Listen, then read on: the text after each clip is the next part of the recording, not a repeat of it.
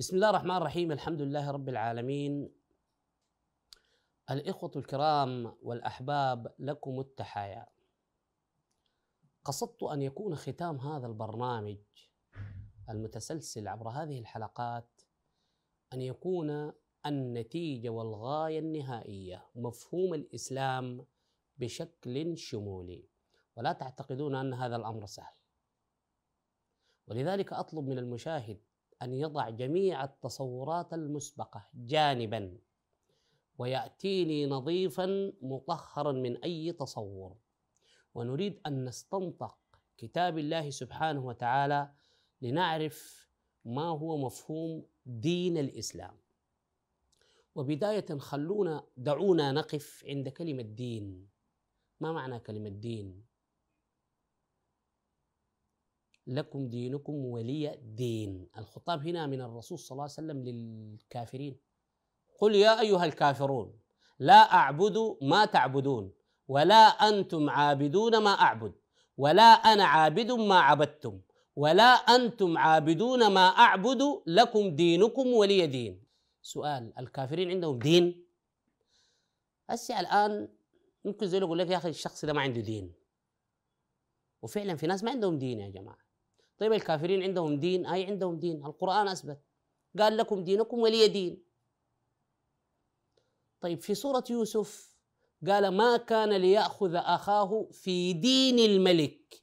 الملك بلاو بقى عنده دين. إذا مفهوم الدين خلونا من كلمة الإسلام الآن. دارين نحرر مفهوم دين دي. وعندما تريد أن تحرر مصطلح في القرآن الكريم يا جماعة في قاعدة مهمة. أنت داير تحرر مصطلح في القرآن الكريم عندك خيارين إما أن تحكم المعنى والمفهوم عن طريق مجموعة من المصطلحات أو أن تأتي بمصطلح متداول في محيط الخطاب وغير موجود في القرآن الكريم لأن الكلمة في القرآن لا يمكن أن تستبدل بكلمة أخرى كيف يعني؟ الكلام ده معناه شنو؟ إذا مثلا عاوز أو نحن عاوزين نجيب مفهوم آه، الركوع. مفهوم الركوع في القرآن الكريم. أركعوا ركعوا الراكعين الركع. مفهوم الركوع في القرآن. هل هو يعني الانحناء؟ الحركة دي اللي إحنا بنعملها. ولو قلنا أن الانحناء هذا هو ركوع هل هو مفهوم الركوع كله؟ أم أن مفهوم الركوع ممكن أن ينتقل يشمل هذه حركة الانحناء وغيرها؟ طيب ربنا قال الذين يؤتون الزكاة وهم راكعون. في حد طلع قروش وهو مصنقر أو نحن نقول مدنقر أو خلينا نقول منحني كيف يؤتون الزكاة وهم راكعون؟ إذا المفهوم العام إذا أنا عاوز أو أريد أن أحكم مفهوم الركوع لابد أنه أجيب مصطلح متداول في محيط الخطاب. يعرفه أي زول؟ عربي.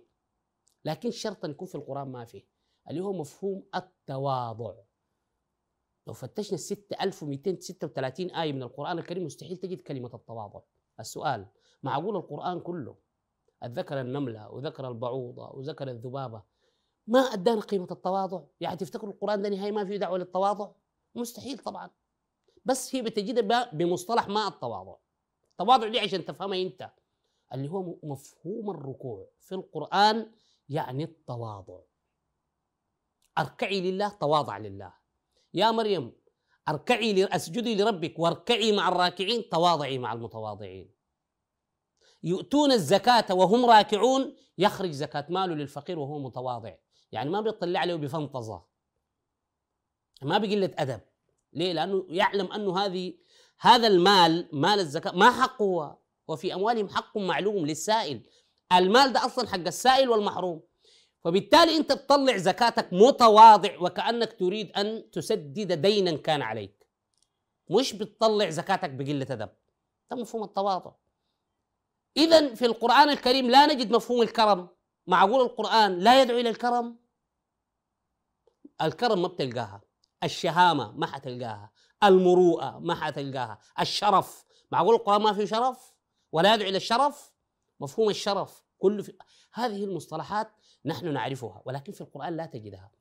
مش معناها القرآن لا يدعو للكرم والشهامة والمروءة والكرم والشرف لا لا. بيدعو للقيم دي لكن بمصطلحات تانية أنت ما عارفها. أو فسروك لها غلط فسروها لك غلط. إذا دي القضية المهمة. اللي أنا أريد أن تكون مدخل لدراسة مفهوم القرآن. إذا مفهوم كلمة دين بناء على هذا هذه القاعدة هي أقرب لما نسميه بالنظام والقانون. دين المشركين نظام وقوانين. دين الملك نظامه طيب دين الإسلام هو النظام والسيستم الذي يقوم على الإسلام. عشان كده قال إن الدين عند الله الإسلام. والإسلام ليس حكرا على الأمة المحمدية فقط وإنما بدأ مع بداية الرسالات من عهد نوح. فأتباع نوح مسلمون وأتباع إبراهيم مسلمون بل إبراهيم هو الذي سمانا المسلمين. والذين اتبعوا موسى مسلمين والذين اتبعوا عيسى فلما أحس عيسى منهم الكفر قال من أنصاري إلى الله؟ قال الحواريون نحن أنصار الله آمنا بالله واشهد بأننا مسلمون. الذين اتبعوا محمد المؤمنون المسلمون أو المسلمون المؤمنون. اثنين عندنا صفتين. عندنا كفلين من رحمة الله سبحانه وتعالى. كفل على الإسلام زينا وزي السابقين وكفل على الإيمان بالأمة المحمدية ده كفل ثاني اللي هو الإيمان. عشان كده خطابنا في القرآن ما بيجيك يا أيها الذين أسلموا. يا جماعة حكاية تصور أن الأمة المحمدية هم المسلمين. ديك النصارى. ونحن بس المسلمين الكلام ده ما عنده علاقة بالقرآن. وإلا لجاء خطابك في القرآن بيا أيها الذين أسلموا. ولا في آية قالت يا أيها الذين أسلموا إذا قمتم على الصلاة. بتقول يا أيها الذين آمنوا. إذا نحن المؤمنون المسلمون. المسلمون نحن مشتركين مع القبالنا في دي في مفهوم الإسلام. وعندنا كفل زيادة بإيماننا بالنبي الخاتم. إذا عندنا كفلين. يؤتكم كفلين من رحمته.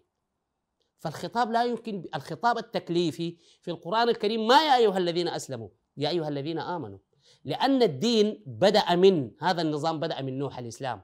شرع لكم من الدين هنا الخطاب لنا ما وصى به نوحا والذي أوحينا إليك للنبي وما وصينا به إبراهيم وموسى وعيسى أن أقيموا الدين ولا تتفرقوا فيه. إذن فين الاختلاف؟ الاختلاف الذي وقع عبر تدرج الرسالات في الخط التاريخي هي الشرعة والمنهاج. يعني الحاجة اللي بتختلف مننا من أتباع عيسى من موسى من إبراهيم من نوح هي الشريعة. الدين واحد لكن الشرائع بتختلف لأنه حركة المجتمعات تختلف. ماشي في تطور مستمر والواقع الزمكاني يتغير.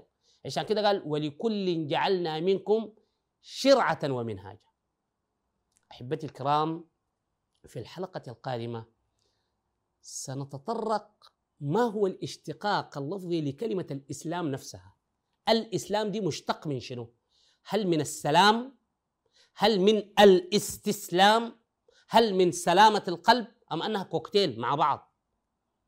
هذا ما سنتبينه بإذن الله تعالى وحوله وقدرته في الحلقة القادمة. إلى أن ألتقيكم أترككم في حفظ الله ورعايته. السلام عليكم ورحمة الله تعالى وبركاته.